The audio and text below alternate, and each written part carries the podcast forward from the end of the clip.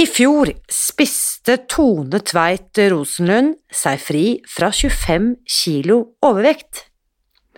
I dag forteller hun deg hva som er trikset for å komme seg gjennom høytid og julefeiring, både med og uten svigerfamilie.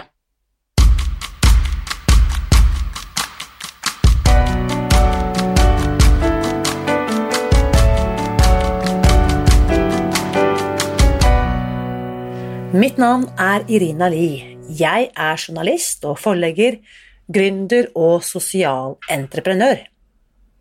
I 2015 spiste jeg meg fri fra overvekt og fedme etter å ha slitt med vekt, kropp og følelser i nesten 30 år. Etter at jeg fant oppskriften på å spise meg fri, ga jeg meg selv et nytt oppdrag å dele denne kunnskapen med alle som trenger det. I første sesong av denne podkasten deler jeg hele lydboken eh, Spis deg fri. Den finner du ved å bla deg tilbake til høsten 2019.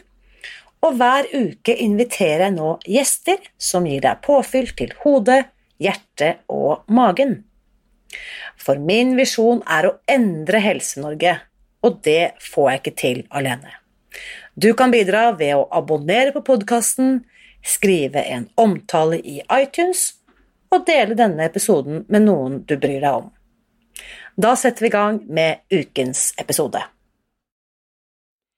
I dag skal du få møte den blide sørlendingen Tone, opprinnelig fra Kristiansand, som de siste 20 årene har bodd i Asker med mann og to barn. 48-åringens historie er ikke unik, til tross for en solid karriere og fremtredende lederstillinger både innen skoleverk og kommunal sektor, er det nemlig én ting Tone aldri helt fikk dreisen på. Det var selvsagt vekten som hun slet med gjennom hele voksenlivet og faktisk helt tilbake til eh, ungdomsskolen. Det vil si, frem til januar 2019 så var det sånn for Tone. Da snudde alt, og den historien skal du få høre i dag. Og før vi setter i gang, så vil jeg invitere deg til en helt spesiell opplevelse denne julen i dette rare året 2020. Jeg har nemlig bestemt meg for å gjenta suksessen med Storefri, som er en midlertidig midlertidig pop-up-gruppe som vi testet på Facebook, for første gang eh, tilbake for to år siden, den eh, vinteren da Tone startet. Dette er altså en eh, midlertidig Facebook-gruppe dedisert til deg og alle andre som velger å starte på Spis deg fri-reisen akkurat nå. I denne gruppen vil du altså treffe mange likesinnede, pluss Tone og meg selv og mange av de andre veteranene som har holdt på en stund, og vi vil denne julen bruke tid og krefter på å heie og støtte på deg, støtte deg som er klar for å sette i gang nå. Ingen av oss får nemlig til dette alene. Så hvis du er nysgjerrig på å oppleve det unike fellesskapet som eh, Tone beskriver i dagens episode, så søk opp Facebook-gruppen Storefri 2021 når du er klar for å være med. Da setter vi i gang. Kjære Tone, velkommen til podkasten. Tusen takk. Dette har jeg gledet meg til helt siden du sa ja for noen uker siden. Uh, og du vet jo ikke hva vi skal snakke om, og det vet sannelig ikke jeg heller. Vi, vi tar det som det kommer. Um, når dette sendes, så er det jo bare noen dager igjen til selveste julaften 2020. Men før vi skal snakke om jul, eh, Tone, som mm. jo var på en måte min bestilling til deg, så fortell litt for de som ikke kjenner deg. Eh, fortell litt om eh, hvem er du, og hvor i verden er du? Ja, jeg er 48 år. Jeg bor i Asker, men eh, som dere sikkert hører, så er jeg ikke fra Asker, jeg er fra Kristiansand men har bodd her på Østlandet i snart 20 år. Og jeg er gift og har eh, to barn. To ungdommer på snart 17 år. Tvillinger, gutt og jente. Um, og jobber i offentlig tjeneste og har et aktivt liv uh, i det vanlige liv. Nå er det jo litt uh, annerledes akkurat sånn som det er nå, i korona, men uh, veldig aktiv og travel. Mm. Og vi, våre veier møttes jo Jeg tror kanskje jeg tror du visste hvem jeg var før jeg visste hvem du var. det er helt sikkert. men Vi har jo møttes mye nå gjennom det siste året, men fortell hvordan, hvordan snublet du over Spis deg fri? Hvordan hørte du om det? Hva var det som vekket oppmerksomheten din? Eh? Ja, det var julen for uh, to år siden, da. Altså, 2018. Mm. 2018. Da snubla jeg over storefri uh, i julen. Jeg tror det må ha vært i romjulen, for det var ikke før jul, det var i romjulen. Og hadde vel egentlig aldri lagt merke til i hvert fall at jeg hadde hørt om Spis deg fri eller Bright Line Eating eller noe, noe som helst. Og den julen så hadde jeg jo eh, hatt en skikkelig fest. eh, og eh, hadde jo egentlig tenkt at denne januar skal ikke bli, ikke bli eh, sånn som det pleier, at man eh, har alle disse forsettene. Men så snubla jeg som sagt over storfri, og da eh, kunne jeg ikke la være å prøve. Jeg hadde egentlig gitt opp alle muligheter, jeg har prøvd alt. Gitt opp alle muligheter og tenkte eh, januar 2019 eh, er ikke en sånn eh, gode forsetter. Nå skal jeg bare kjøre på, fortsette der, eh, der jeg er. Jeg, det, er ikke noe, det er ikke noe vei ut av, av denne situasjonen som jeg er i. Og så, og så fikk jeg en overbevisning om at jeg måtte, jeg måtte prøve dette. Så for å sant, Du beskriver en jul, da er du 46 år gammel, vi er to år tilbake i tid. Mm. Du har forsøkt alt. Mm. og har rett og slett Er det da slik at du har resignert, eller er du da på det tidspunktet fornøyd i den store kroppen din? Nei, jeg har resignert. Eh, sommeren 2018 så ga jeg bort alle klærne mine som var for små. Ja. Fordi jeg rett og slett eh, bestemte meg for at jeg, jeg får ikke dette til. Og så turte jeg ikke å slankeoperere meg. Eh, jeg har flere venninner som er slankeoperert, men det turte jeg ikke. Nei. Så det var ingen flere muligheter. Hvor, eh, hvor, eh, tung kan jeg spørre deg om det? Hvor tung var du på det tyngste? Vet du det? Ja, altså, Da jeg gikk med tvillingene, var jeg jo veldig tung. Men da var jeg egentlig ikke så tjukk fordi at jeg var så dårlig av svangerskapskvalme. sånn at jeg var egentlig da jeg kom ut av det svangerskapet, så var jeg jo lettere enn jeg var før. Men da jeg, jeg altså sånn, Uten å være gravid, så var det vel sånn 96 kilo. Ja, ikke sant? Ja. Og jeg er 1,73 høy. Ja, jeg skulle til å si det. Du er jo høy. Ja. Så 96 kilo Vi er ganske like, vi. For jeg var oppå, langt oppå 90-tallet der, jeg også. Jeg er 1,71, så da var jo jeg i kategori fedme. Da var jo du også det. Ja. ja. Så turte ikke å slankeoperere meg, sier du. Og det, også, det var også noe jeg var inne flere ganger. Jeg googlet og visste alt om priser og komplikasjoner og varighet og alt, men det, det rett og slett turte jeg ikke å gjøre. Nei. Mm, så sommeren 2018, du har rett og slett nå på en måte avfunnet deg med at denne store kroppen må du bære rundt på. Gir bort alle eh, klærne eh, For det betyr også at du på et eller annet tidspunkt i voksen alder har vært normalvektig eller slank, da? Eh, nei, altså da ga jeg bort alle de klærne som, eh, som, jeg hadde kjøpt da jeg forrige gang klarte å slanke meg ganske mye. Men ikke så mye som nå, da, men da jeg følte meg ganske vel, da. Ja. Eh, for jeg hadde jo som sagt prøvd ganske mye, så jeg har vært ganske flink til å gå ned i vekt flere ganger. Eh, så den runden jeg hadde før det, da hadde jeg kjøpt meg en del fine klær. da, ikke sant? Fordi mm. at når du da føler deg ganske vel, så kjøper du en del. Men, eh, men det hadde jeg da gitt opp mm. i sommeren 2018. De klærne kommer aldri inn igjen. I. Og det var jo Da var jeg jo langt fra der som jeg er nå, kan du si ja. Dette skal vi også snakke om. fordi La oss da bare tenke, da, hvis vi tenker sommeren 2018-garderoben som du da ga vekk. Hvilken størrelse Var det type størrelse M? Størrelse 40? Altså hvilken Nei. størrelse var det? 42-44, eh, tenker jeg. Ja, de ble gitt bort. Mm. Eh, og da måtte du rett og slett bare holde deg til eh, excellent eller trippel X eller dobbel X eller den type Absolutt. størrelser. Ja. Jeg, kunne inn, jeg, kunne ikke gå inn i en vanlig butikk og kjøpe klær fordi jeg er såpass høy. Eh, og, såpass, eh, og da såpass stor, så var ikke det mulig å gå inn i en vanlig butikk og kjøpe klær. Nettopp. Jeg er bare nysgjerrig. Eh, dette er sikkert også veldig mange som hører på nå eh, fire dager før julaften. Hva hadde du typisk på deg på en julefeiring når du hadde en kropp som veide 96 kilo? Hvordan så pentøyet ditt ut, eh, Tone? Ja, Det var store kjoler da, som satt forholdsvis løst. Mm. Og jeg, kjøpte, jeg husker at jeg kjøpte til den julen 2018 så kjøpte jeg meg en ny kjole. Og den var kjempekul. Kjolen var kjempekul, og den var i stor nok størrelse. For jeg hadde kjøpt den på en sånn postordre som solgte klær for store. Og den var kjempekul, men jeg så jo skikkelig tjukk ut i den. Mm. Eh, så når jeg fikk den på meg, så syntes jeg han var fin. Men jeg var jo ikke fin. Eh, men det var store, uformelige klær. Ja.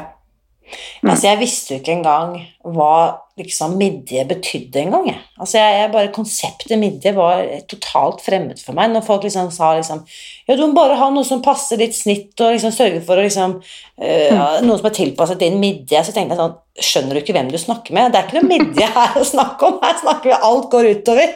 Midje er jo kanskje, tenker jeg på, et slags midtpunkt der ting går litt inn. Nå kan jeg referere til midjen min, men det var jo et fremmedord i mitt vokabular før jeg spiste meg fri, da. Ja. Ok, da er vi altså kommet til julaften 2018. Du har spist og kost deg, og alt det som vi på en måte vet hører til. En tradisjonell norsk julefeiring, for å kalle det det. Mm. Du går i gang Når du hører om dette da i romjulen 2000 og eh, Det kan jo godt hende at noen hører denne episoden i romjulen 2020, eller 2021 mm. for den del. Mm. Hva, hva, gjør du da, Tone? Du skjønner at her er det et eller annet du må lytte til men, eller følge med på, men hvordan er tankegangen din? Hva gjør du? Nei, altså jeg prøver jo egentlig å sette meg inn i så mye som mulig. Hva er dette for noe? Uh, sånn at jeg leser jo uh, altså Jeg er ofte sånn som dykker veldig dypt i ting når jeg først uh, blir Når jeg kikker på noe. Så jeg leste alt av poster og prøvde å finne ut hva er dette, og jeg var inne på siden Spise fri og leste Fakken, altså den der spørsmål og svar, og, og holdt på. og så tror jeg egentlig at jeg bare tenkte jeg må prøve, så jeg bare meldte meg på grunnkurs. Som startet i januar 2019? Yes. Mm.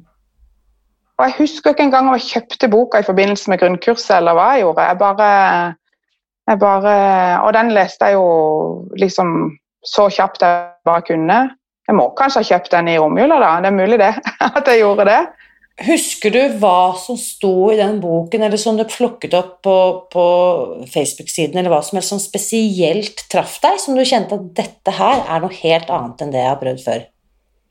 Ja, det var jo det som veldig mange sier, at jeg kjente meg så igjen i den eh, Altså og det er, altså, At jeg fikk liksom en sånn forståelse at å herregud, det er ikke bare meg som ikke får det til kjente det igjen. Og at uh, det er ikke bare min skyld, det er ikke bare fordi at jeg ikke har viljestyrke nok.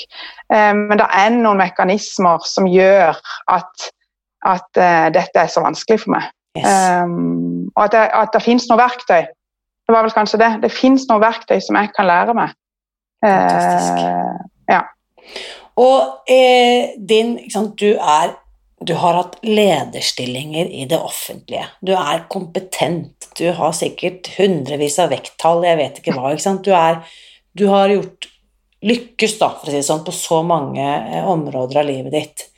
Mm. Eh, beskriv litt det derre gapet mellom å være en som får til alt, og være den som overhodet ikke får til når det kommer liksom egen kropp og helse. Hvordan eh, mm. er det å stå i den spagaten, Tone? Så det er jo en enorm skamfølelse. Mm. Altså, jeg har skamma meg så over uh, at jeg ikke har klart å slutte å spise, ikke la være å spise. Ikke, altså, jeg har jo klart å gå ned i vekt noen ganger, ikke klart å holde det. Uh, det, er en, det, er så, det, er en, så, stor skamfølelse, og jeg har snakka veldig lite om det. Jeg har liksom latt som om alt er greit. Uh, og du kjenner meg jo litt, jeg er jo bli, stort sett blid og fornøyd. Mm. Og det var jeg nok på utsiden også da jeg var overvektig. Mm. Eh, så jeg tror veldig få egentlig tenkte over hvor tungt det egentlig var for meg. Mm. Hva med dine nærmeste, mannen din, barna dine? Visste de at uh, du uh, slet med på en måte negativt selvsnakk da, rundt dette med kropp og vekt? ikke ordentlig, tror jeg. Altså, Mannen min har jo alltid visst at jeg har prøvd å gå ned i vekt. Mm. Uh, men jeg tror ikke han egentlig har skjønt hvor dårlig jeg har hatt det med det. Mm. Egentlig, For jeg har ikke snakka med om det. Nei. Nei. Jeg, jeg, helt, grunnen til at jeg spør, er jo sånn var det jo for mm. meg òg. Altså, selv de som mm. sto meg aller, aller nærmest, hadde jo ikke peiling på hvor, hvordan jeg hadde torturert meg selv med dårlig selvsnakk. Mm. Så det er så skamfullt der at jeg kan ikke engang fortelle det til mine aller nærmeste. Nei. Men når vi da er eh, i gang i januar 2018, du har kjøpt bok, og du har lest eh, FAQ-en, som da står for Frequently Asked Questions. Det høres jo helt utrolig ut. Jeg har lest FAQ-en, men, men, jeg er med. Eh, ofte stilt, svar på ofte stilte spørsmål. Du har lest, du har meldt deg på kurs. Da er du jo på en måte, da er du nødt til å ta en liten informasjonsrunde, for da skjønner jo de som bor sammen med deg, i hvert fall, at her skjer det et eller annet med kostholdet til mor. Eh, når du ikke lenger spiser pizza og pasta og alt dette greiene her, hvordan, hvordan informerer du dine, de nærmeste rundt deg da? Det var et vanskelig spørsmål. Det kan jeg ikke huske. Altså, eh, Mannen min har alltid støtta meg i alle sånne ting som jeg har eh, prøvd før. Så når, vi, når jeg har eh, prøvd ting før, så har han alltid, alltid støtta meg. Eh, sånn at det, har, det, var ikke noe bøyg, egentlig, at, at, mor gjorde ting litt annerledes, det var de vel kanskje også litt vant til, da. At, uh, og jeg hadde vel ikke sagt til de at jeg hadde gitt opp å slanke meg. ikke sant? Sånn at Det visste jo ikke de. Så de var jo ganske vant til at jeg gjorde litt sånn ulike ting og hadde litt ulik kosthold. Og nå spiser mamma det, og nå spiser hun ikke det. Og, så, sånn sett så tror jeg ikke egentlig de var så Jeg tror ikke jeg informerte de sånn Nå har jeg begynt på Spis deg fri. Nei. Uh, det kan jeg ikke huske at jeg gjorde. Eh, og sant, Nå var jo dine barn tenåringer da når du satte i gang for et par år siden, men det er også mm. viktig for meg å understreke at jeg har jo hatt, mine barn var jo betydelig mye yngre når jeg satte i gang, men dette trenger jo egentlig ikke å holdt jeg på å si, i gåsehudene gå utover familien. Det er jo først og fremst min egen mat jeg endrer. Eh, og jeg serverer fortsatt pasta og pizza og pannekaker til eh, barna mine, selv om jeg velger å ikke spise det selv lenger. Mm. Mm. Og det gjør jeg også, og det tenker jeg kanskje har vært det letteste for meg med Spise fri. At jeg kan spise stort sett det samme som hele familien spiser, eh, bare at jeg lar være å spise noe. Og så eh, har jeg blitt flinkere da, til å lage ting fra bunnen av, sånn at jeg vet hva som er i det. Mm. Sånn at når folk spør ja, men hva spiser du da, så sier jeg jeg spiser rein kjøtt, fisk og masse grønnsaker. Eh, og så spiser jeg ikke da f.eks. pasta eller sånt, som, og særlig da ikke sant? Det var jo en periode man ikke spiste poteter og sånn også, så nå gjør jeg jo det for mm. Ja, ikke sant.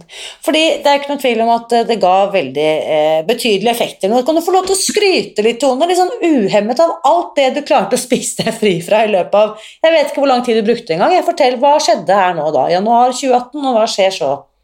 Ja, og så eh, går det jo Det gikk ikke sånn Det raste liksom ikke av, men jeg hadde veldig troa på på eh, filosofien, og så fulgte jeg grunnkurset. Så jeg fikk jo liksom eh, alle disse verktøyene inn. Eh, og jeg etablerte ganske raskt et sånn sosialt nettverk som skulle hjelpe meg. Og sånn. Og så gikk jeg altså ned 25 kilo på ni måneder. Og til og med i sommerferien, da, hvor jeg alltid liksom hadde gått opp igjen klarte jeg å gå ned ganske mange kilo mm. i løpet av sommerferien. Og det, det var altså så Ja. Så i, i løpet av ni måneder så gikk jeg ned 25 kilo. Og det var ikke sånn at det raste av, men det, det, var jo bare Det gikk jo nedover og nedover og nedover. Jevnt og trutt. Mm. Og folk flest vil jo tenke å halleluja, 25 kilo på ni måneder, det høres ut som det, kiloene falt av. Men jeg vet også hvorfor du sier det. fordi vi har jo vært vitne til mange rundt oss, Tone, og som også var samtidig med deg på grunnkurset, som hadde en helt ellevill vektnedgang. Det har jo vært mennesker som har gått ned over 30 kg på under et halvt år. Yes. Så syns du det var litt sånn frustrerende å sammenligne deg med de som kanskje gikk fortere ned enn deg, eller som ikke hadde så mange bivirkninger, eller på en måte ble det litt sånn lett å sammenligne seg og bli frustrert pga. det, eller var det inspirerende, syns du? Jeg tror ikke jeg følte det frustrerende. Altså, man vet jo at, eh, at kroppen er ulike. og sånn, og det er jo, Vi snakker jo mye om det. ikke sant, at det er ulikt. Jeg husker at jeg var veldig veldig opphengt i, i vekta en periode. Ja. Så jeg måtte legge bort vekta, rett og slett. Og da var det en i fellesskapet som utfordra meg på å veie meg litt sjeldnere, sånn at jeg faktisk var mer opptatt av hva jeg spiste. Jeg visste at det kom til å fungere, bare jeg fulgte linjene da. Eh, og da eh, gjorde jeg det sånn at jeg ikke ble så stressa på, på, det. For det mm. å gå på vekta hele tiden, det, var, det stressa meg veldig. Ja. Eh, men jeg, var ikke jeg tror ikke jeg var frustrert. Jeg var litt frustrert i sluttspurten der, når jeg liksom var på vei over til å skulle spise noe mer, liksom legge på litt til, og ikke skulle gå ned mer. Da syns jeg det gikk veldig sent, og da sleit jeg litt. Syns det var litt tøft. Men ikke ikke at jeg sammenligner meg Jeg syns jo jeg hadde en altså jeg, Den vektnedgangen jeg hadde, den overgikk jo alt jeg noen gang hadde forestilt meg. Jeg skulle jo bare ned eh, ja, maks 15 kilo, liksom. Så du skulle ned fra typ midten av 90-tallet og ned mot 80, hvor du sikkert har vært i mange år og flere ganger og vært fornøyd ikke sant, i der? Ja. Mm. Hva, hva, så ender du da på 25 ned, så da ender du liksom tidlig på 70-tallet? Er, er, det det vi snakker om? Ja, under 70 var jeg faktisk. Uh, du gikk faktisk da, helt ned på 60-tallet. Ja. Mm. Uh, og da er du vel godt innafor normalvektig område?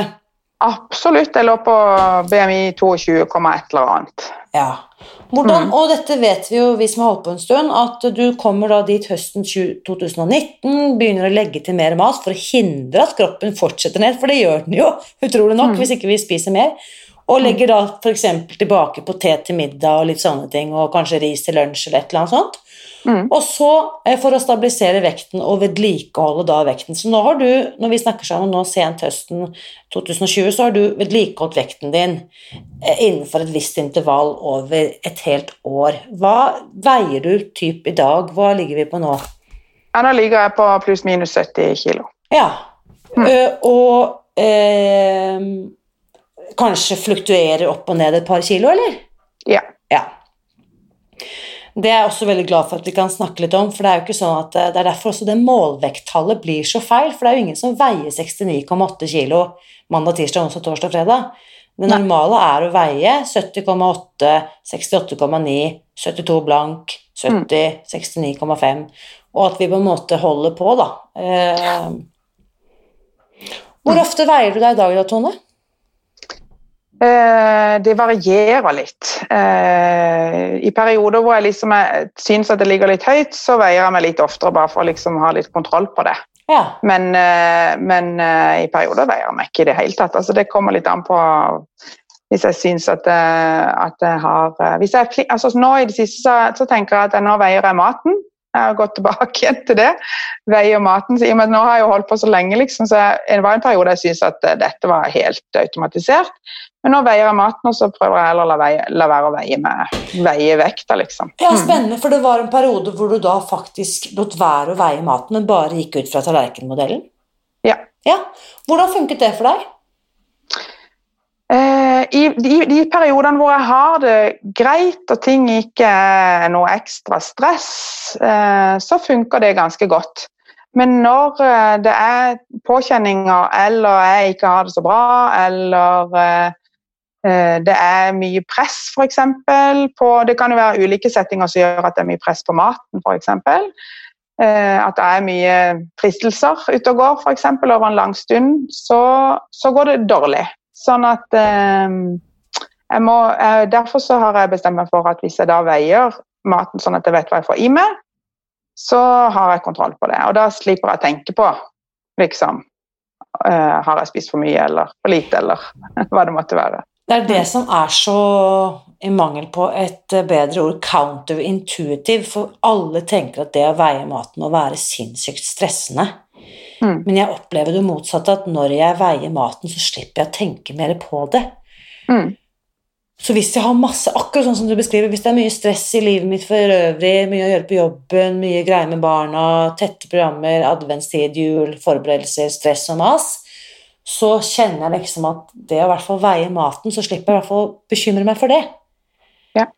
Og mitt problem har jo vært at jeg ofte har spist litt for lite, for jeg er så redd for å spise for mye. Og det har jo vært mitt problem bestandig. Ja.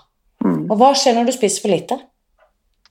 Nei, altså Da begynner jeg å tenke eh, nå spiste jeg nok litt eh, lite av det og det, så da kan jeg jo kanskje putte på noe mer av noe annet. ikke sant? Og da begynner, begynner jeg å, å, diskutere med meg sjøl. Yes. Eh, så det er rett og slett bare det som skjer, at da får jeg ikke fred rundt at jeg faktisk har spist det jeg skal. Um, ja. Veldig, veldig viktig. Um, nå er du da eh, Jeg sier jo i 364 dager av året så sier jeg sånn når folk spør i september, da skal jeg, 'Hvordan skal jeg gjøre det på jul?' Og jeg er jo invitert til svigerforeldrene mine, og hvordan skal jeg få til det? Og da sier jeg jo alltid det, vet du. Dette trenger vi ikke tenke på i september, det er fortsatt tre måneder igjen og fire måneder igjen til julaften, så det kan vi tenke på når julaften nærmer seg. Og nå er det jo sånn øh, at nå begynner julaften å nærme seg. Så da spør jeg deg, Tone, som for så vidt er tema da for denne podkasten. Hvordan har du tenkt å gjøre det på jul? Du hadde din første øh, Spis deg fri-jul øh, i fjor, 2019. Mm. Hvordan gjorde du det da, og hva er planen for årets jul? Vi kan jo begynne med et tilbakeblikk da, hvordan det var for deg å gå inn i din første julefeiring i fjor, for akkurat et år siden. Mm. Første gang uten sukker og mel. Hvordan var det?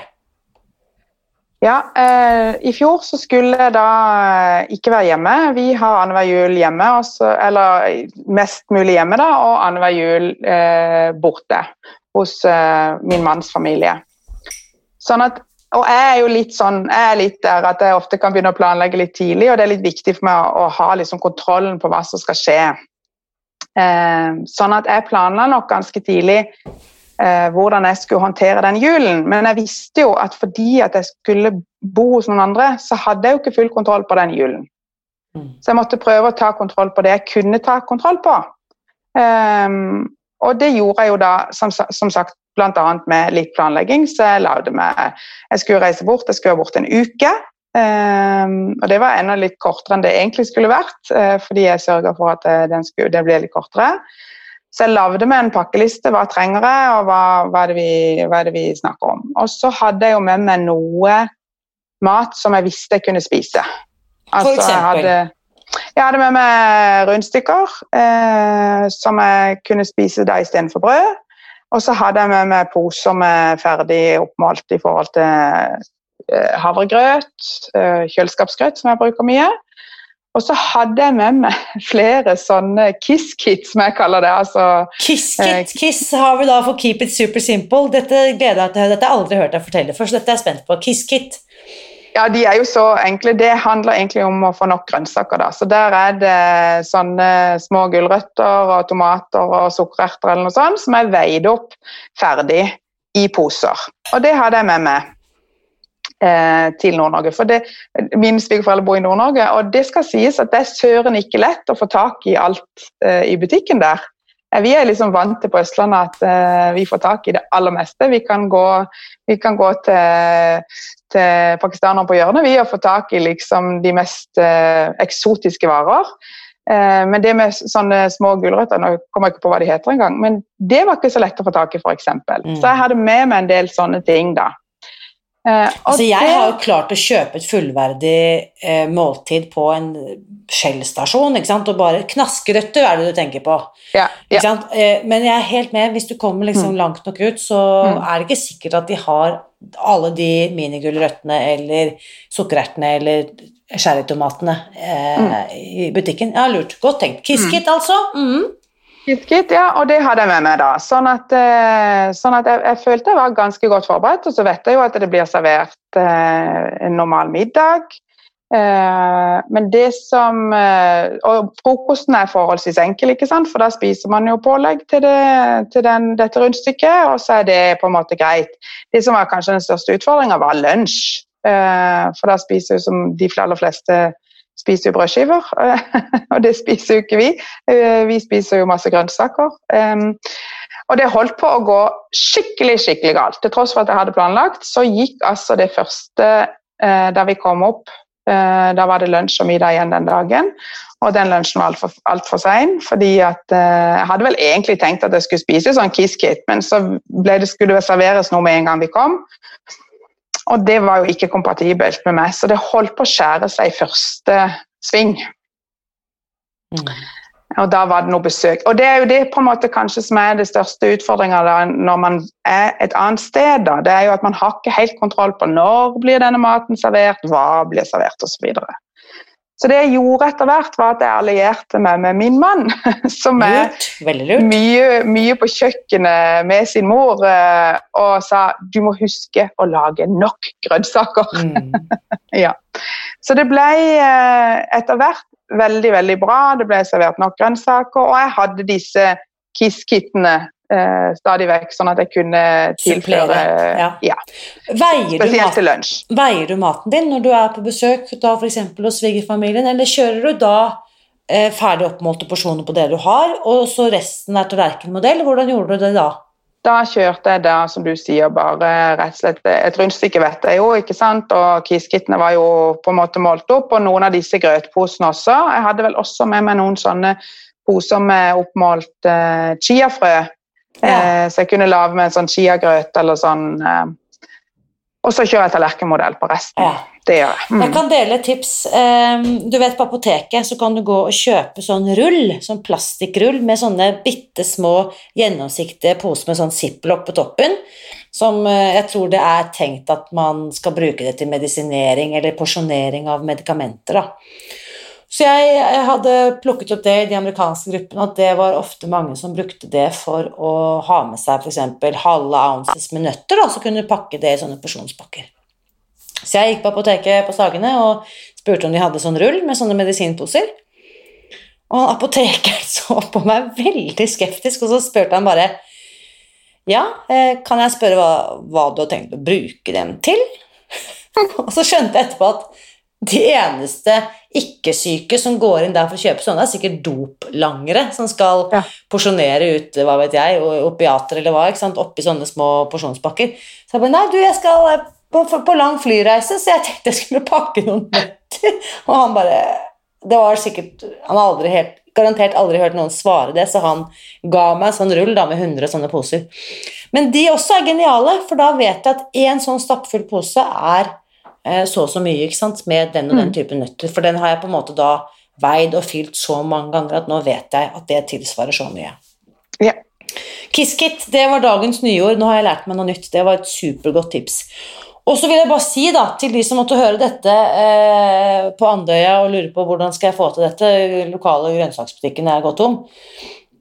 Masse god frossenvarer, eh, så det er ikke noe problem. Eh, og på julaften så er det jo ofte Og det er masse av de ferdigproduktene som mange av oss bruker på julaften, som funker helt fint Mm. å kombinere med, med Spis deg fri. Eh, hva spiste dere i nord i fjor på julaften? Proteinkilden tenker jeg på. Ja, vi spiser svinribbe Svinribbe Svineribbe. Og det også er jo helt innafor. Ikke noe problem. Nei. Og, og rødkålen blir laget fra bunnen, så da har man liksom litt kontroll på, på den, og poteter. Yes. Fantastisk. Um, jeg har faktisk også, etter at jeg gikk over på vedlikehold, spist eh, risgrøt til lunsj, ikke sant? Det, siden det er ikke noe problem. eh, og da forsyner jeg meg med en porsjon med risgrøt som lunsj. Og så har jeg hatt masse knaskegreier i tillegg, da, grønnsaker. Men det er også ting vi eh, finner ut av etter hvert. Og det betyr vel da at årets julefeiring skal feires på hjemlige trakter, kanskje i Asker, da, eller? Ja, eh, nå skal vi forhåpentligvis eh, Vi skulle faktisk egentlig vært i Kenya til jul, men, så det blir ikke i år. Men eh, med hele min storfamilie. Men vi skal forhåpentligvis, da, hvis, det, hvis vi får lov til det, skal vi være hos min bror sammen med mine foreldre. Men det er bare på julaften og første juledag, og så er vi jo hjemme. Yes. Så da har jeg jo mye mer kontroll på maten. Mm. Hvordan er roen din i hodet, Tone, eh, på det å ikke skulle kose deg med alle de greiene som den tradisjonelle norske julefeiringen byr på? Om det er brune ting som er bakt i ovn, eller om det er iskalde fristelser som skal serveres ettermiddag, eller du skjønner hele eh, listen med eh, greier som vi vanligvis fyller både julaften og romjulen med. Hvordan er det for deg? For meg er det nett, nesten en lettelse. Altså, hvis jeg tenker tilbake på denne julen 2018, hvor jula var en av de få høytidene i året, eller en av de få eh, periodene i, i året hvor jeg ikke skammer meg over å spise så mye, for alle spiser så mye. Alle går rundt og er stappmette hele tiden. Eh, og jeg gikk rundt og tenkte ikke sant, dette er normalt. Altså, alle, alle spiste omtrent som meg i julen. Ikke sant? Sånn at jeg hadde ikke så, hadde ikke så dårlig samvittighet for det da, bortsett fra at eh, det, det, ble jo, det ble jo en feast. Og så, eh, julen 2019, så var det et par dager da jeg liksom prøvde å komme meg inn i en, god rytme og system bortreise og sånn, og jeg var litt grann mer mett enn jeg hadde vært da, ikke sant, på veldig lenge. Eh, men så fikk jeg stabilisert og kom inn i gode vaner og sånn den jula. Og den lettelsen av å ikke være stappmett Mm. absolutt hele tiden. Og, og rett og slett ha det vondt, for dette, det var jo det jeg hadde. Altså, jeg har jo alltid spist sånn at jeg, at jeg har spist til jeg er kvalm, og da har jeg begynt på de brune sakene fra ovnen og alt det ekstra, ikke sant? så har jeg fortsatt å stappe i meg. Så for meg har det rett og slett vært en lettelse. Så jeg gleder meg til jula. Jeg skal kose meg med den gode maten, og så skal jeg slippe å være helt elendig. For det er jo det, det, er jo det jeg har følt meg som. Mm. Eh, ikke fordi jeg skammer meg så fælt over det jeg har spist i jula, for akkurat i jula så har det liksom vært lov, og alle gjør det. Men, men eh, det å slippe å ha det ubehaget eh, som det er, å være, gå rundt sånn og være og, ikke sant, Jeg var jo da i Nord-Norge, og i den familien er det jo vanlig å se altså Man serverer jo mange, mange, mange, mange måltider. Det er jo mat hele tiden. Ja. Mm. Eh, det er ikke jeg vant til, så, så vant til hjemmefra. Og jeg har jo aldri klart å si nei til noe, for jeg har jo alltid hatt lyst på. Eh, og, og kanskje julen spesielt, fordi du spiser, det er en del ting du bare spiser i julen. Så da må du i hvert fall benytte sjansen og spise så mye du kan. Trust me. Eh, og da, dette, får, dette, Jeg skjønner absolutt hva du refererer til, og så må jeg stille et eh, oppfølgingsspørsmål av det du beskriver av ditt møte med din svigerfamilie også. Jeg har jo jeg holdt på, holdt på å si jeg har hatt flere svigerfamilier. Det høres jo veldig rart ut, men det er jo sånn når man har hatt mer enn én relasjon da, i livet. Og jeg har opplevd, jeg har hatt et utrolig, jeg har møtt fantastisk mange flotte svigerfamilier. Og ikke sant, gjennomgående er, om det har vært på Sørlandet eller Vestlandet eller, eh, eller i, i Sverige, så har jeg også opplevd at eh, vi er vant til å overøse hverandre med kjærlighet og oppmerksomhet gjennom maten vi serverer, og jeg har jo tenkt det mange ganger i møte med min svigermor at man tror om hun tenker at jeg ikke liker henne, siden jeg ikke spiser maten hennes, eller hun må jo tenke at jeg er utrolig sær eller vanskelig, eller håper ikke hun tenker at sønnen har blitt sammen med en helt komplett idiot. Altså skjønner jeg mener, Det ligger så mye annet enn hva skal vi si, ernæringen da, som ligger i maten som serveres, nemlig alt det implisitte av kos og tradisjon og ikke sant? Hvordan har du, altså Svigermoren din må jo da ha registrert at du har endret deg litt, og at du ikke nødvendigvis er den som spiser sånn som du gjorde før. Hvordan har du taklet den sosiale utfordringen rundt f.eks. da julemåltidet? Altså Selve julemåltidet har ikke vært noe problem, for da har jeg jo spist det som, som er blitt satt på bordet. Det er jo alt det som kommer i tillegg, som har vært Men det jeg har opplevd, da, er jo at hvis ikke jeg lager noe stort nummer ut av det Altså når, når det kommer noe da etter maten sammen med kaffen, og det blir satt på bordet, og i det hjemmet blir det satt masse Det er liksom, det bugner hele tiden. Så istedenfor å lage noe nummer ut av det, så har jeg gått og tatt meg en kopp kaffe. Og så har jeg gjerne Det jeg ofte gjorde i julen, var at jeg flyttet eh, frukten fra lunsj til Ja. middag. Så du spiste Sånn at fruktsalat f.eks. etter Yes. julemåltidet? At det var min dessert. Ja, rett og slett noen ganger så bare så tok jeg kaffe og en eh, klementin. Eh, og det er utrolig lite reaksjoner man egentlig får på det hvis man ikke lager noe nummer ut av det. Det var kanskje det jeg var mest overraska over. Ja, Du var Eh, nesten litt sånn forberedt på at du måtte forsvare og Ja, forklare? ja. Mhm. Men fordi at jeg på en måte ikke lagde noe nummer ut av at jeg skal ikke ha. Eh, hvis noen eh, spurte, så var det bare stort smil og nei takk. Mm. Eh, og jeg har jo alltid tidligere måttet forklare, ikke sant? og så bare bestemte meg for at eh, det trenger jeg ikke forklare. Og så har jo alle skjønte, hadde jeg jo holdt på et år, ikke sant. Alle hadde jo sett at jeg hadde gått ned 25 kilo. Mm. Alle skjønte jo at det måtte være, være en grunn. Men det er klart at jeg fikk, jeg fikk jo sikkert spørsmålet ja, men når skal du slutte med dette, liksom. Eh, nå kan du vel Når skal du begynne å bli tjukk igjen? Jeg har til og med ei venninne som har sagt det, for hun har fått masse klær av meg. Hun sa, en gang, hun sa en gang Men du kan jo ikke gi bort alle disse klærne, Tone. Tenk hva du skal du ha på deg når du blir tjukk igjen. Ja, ikke sant?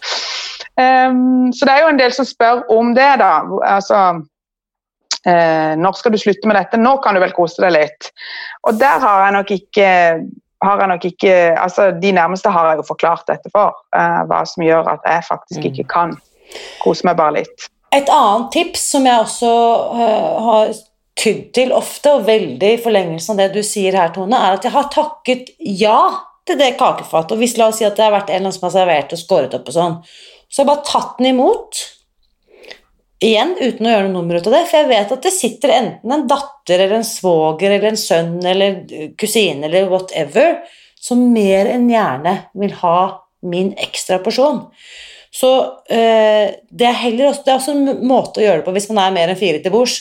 Så er det ingen som legger merke til om jeg gir den tallerkenen videre etter at øh, svigermor har øh, på en måte fortsatt nedover rekken. Nå, altså for all del, nå bruker jeg svigermor som et eksempel her, men hun og jeg har jo snakket masse om dette, og hun er jo superinteressert og syns dette er veldig fascinerende. uten at hun har slitt med de samme greiene som jeg har hatt i mitt liv. da. Men jeg opplever også, sånn som, akkurat som du sier, hvis jeg ikke gjør noe stort nummer ut av det, så er det egentlig ingen andre som Folk er mest opptatt av seg selv og sitt. ja, rett og slett. Det var utrolig få reaksjoner på det, egentlig. Mm. Mm. Da er vi jo Nå måtte jeg bare sjekke kalenderen, fordi at eh, julaften i år er på en torsdag, og dette sendes jo da eh, på en søndag. Hva tenker du, Tone, for de som kanskje nå Dette er første gang de hører om Spis deg fri, eller at det har falt ned en eller annen sånn eh, polett og bare ding, nå skjønte jeg det. Ut ifra det du forklarer her.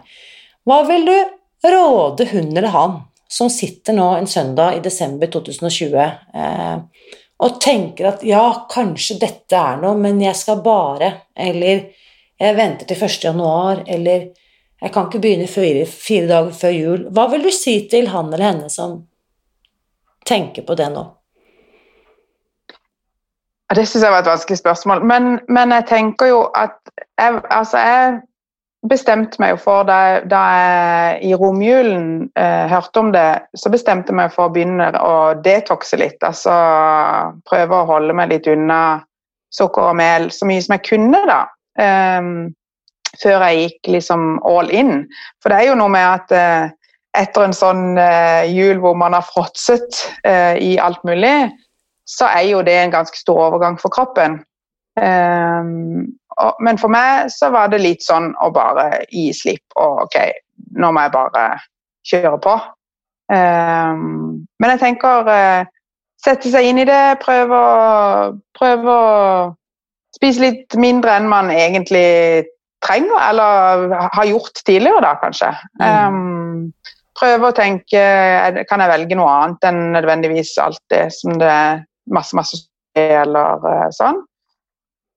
Kjenner litt på den følelsen av at man ikke er så stappmett. Jeg vet ikke om det er et godt råd, men det, det, er kanskje det Det er to strategier som jeg har sett, og begge deler funker. Og jeg kjenner meg selv best, tenker jeg. Det gjør alle, ikke sant?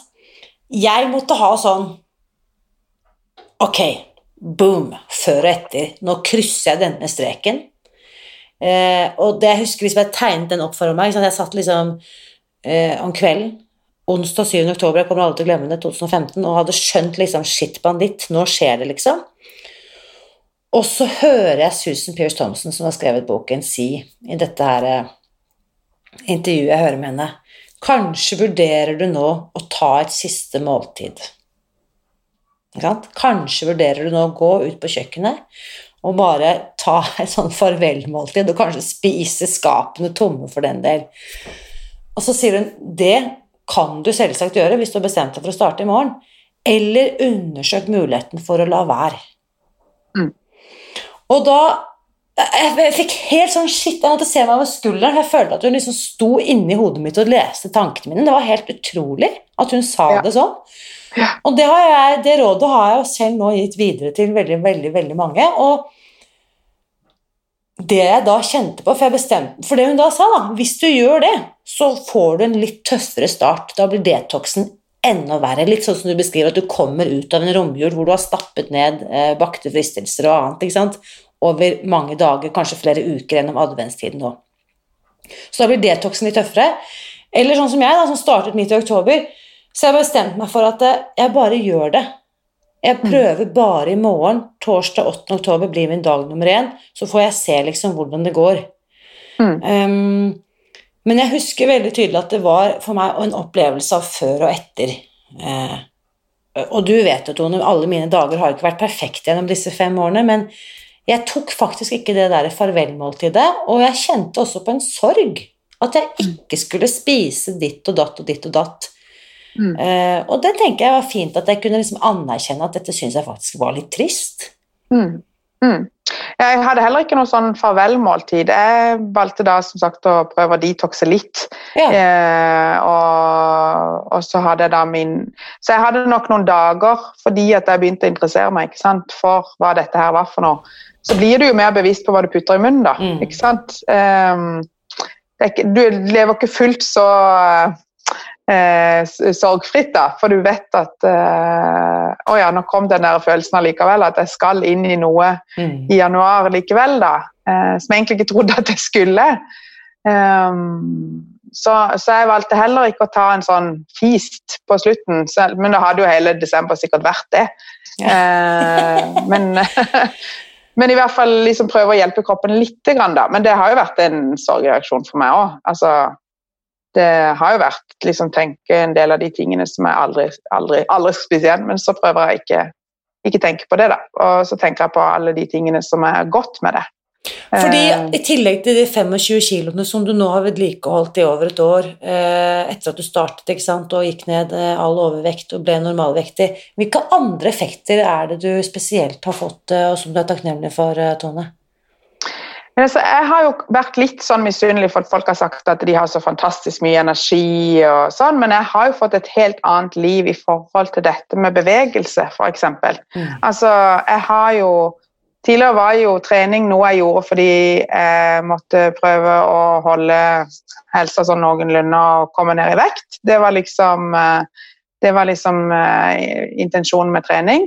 Nå har jeg jo fått en glede av rett og slett å bevege meg. Altså, så jeg har jo et helt annet forhold til bevegelse, f.eks., og ikke minst trening. Nå, eh, tidligere kunne jeg bevege meg liksom lite grann, og da var det per definisjon trening. Nå er det bevegelse, så er trening litt mer uh, intensivt. da. Mm. Um, så det har jeg fått, og så har jeg fått veldig mye verktøy i forhold til dette med altså, For ikke å snakke om yoga, da, Irina, som uh, du jo har vært en veldig stor del uh, altså delaktig i å få meg til å like yoga og driver drive med yoga. altså for det kan jeg avsløre. Jeg, jeg, sniker jo inn litt yoga inn på det grunnkurset som du refererte til. Det er, det er, ikke noe yogakurs, det er ikke det, men jeg tenker at her er det noen mennesker som ønsker å gjøre noen endringer i livet.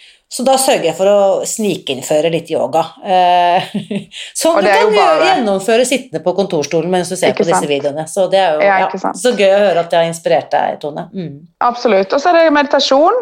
Altså det å få en litt mer ro rundt eh, For jeg har hatt eh, Nå er jeg ikke i, i lederjobb nå, men jeg har hatt en veldig veldig stressende hverdag. Eh, og jeg har det til tider fremdeles når, når, det er mye som skal administreres og håndteres. Så det å få litt kontroll over stressnivået tenker jeg har vært en veldig, veldig stor, stor ting som jeg har tatt med meg. Og så er det altså bare den bare den følelsen av at eh, dette, kan jeg, dette, kan jeg, få til. Eh, det, den, det selvverdet, altså troa på at, eh, at eh, dette fikser jeg, og, og, slippe å gå og tenke på at alle ser hvor tjukk jeg er. Altså, det har gitt meg en utrolig, en, altså en utrolig god følelse av at jeg er god nok, da.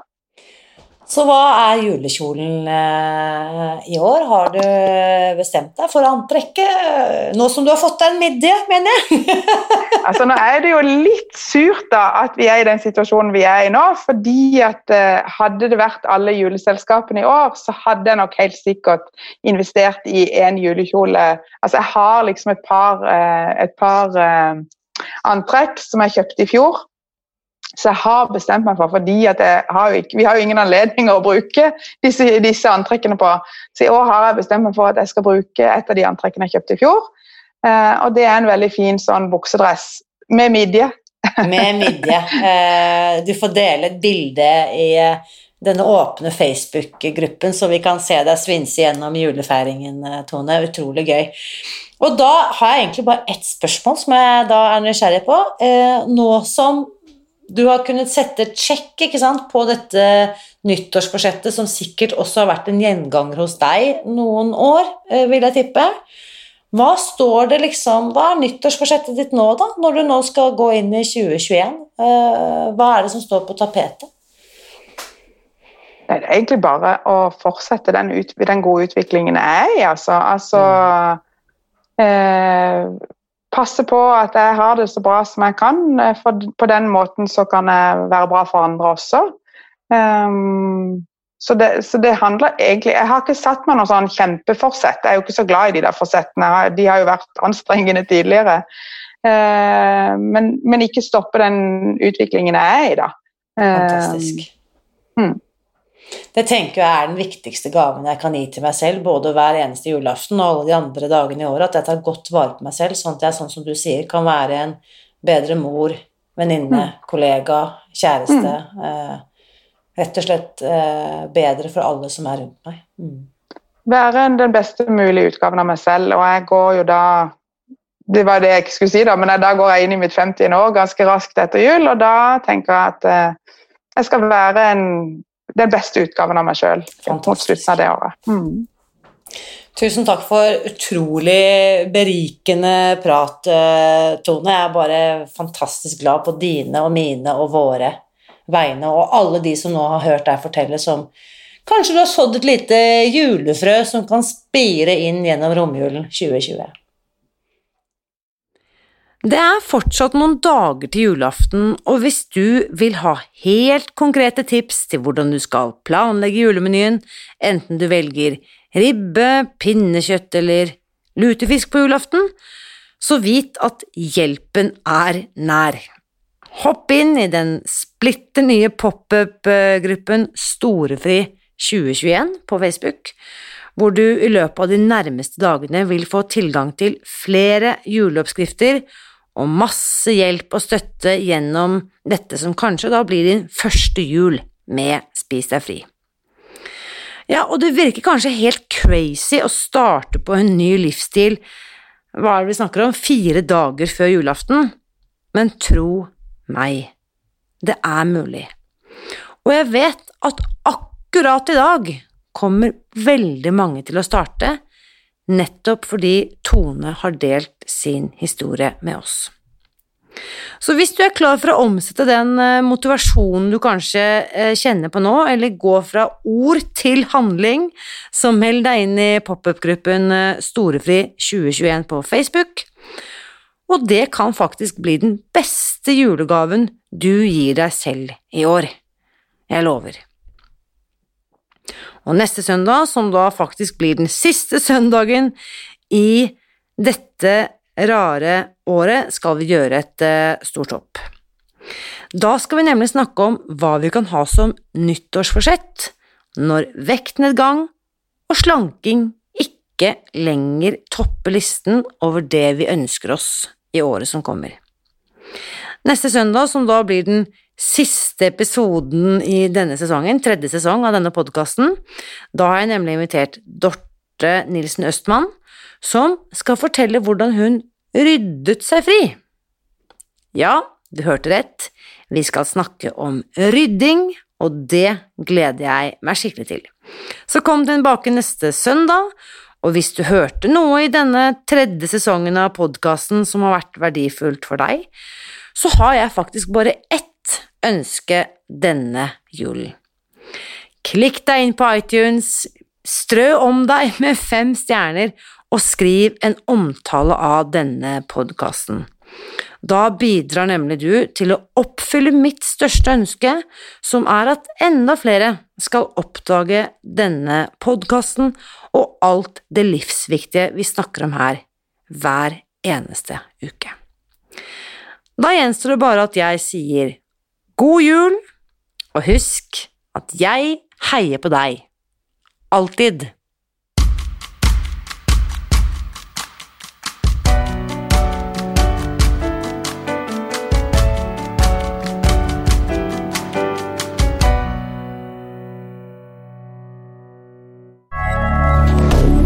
Moderne media.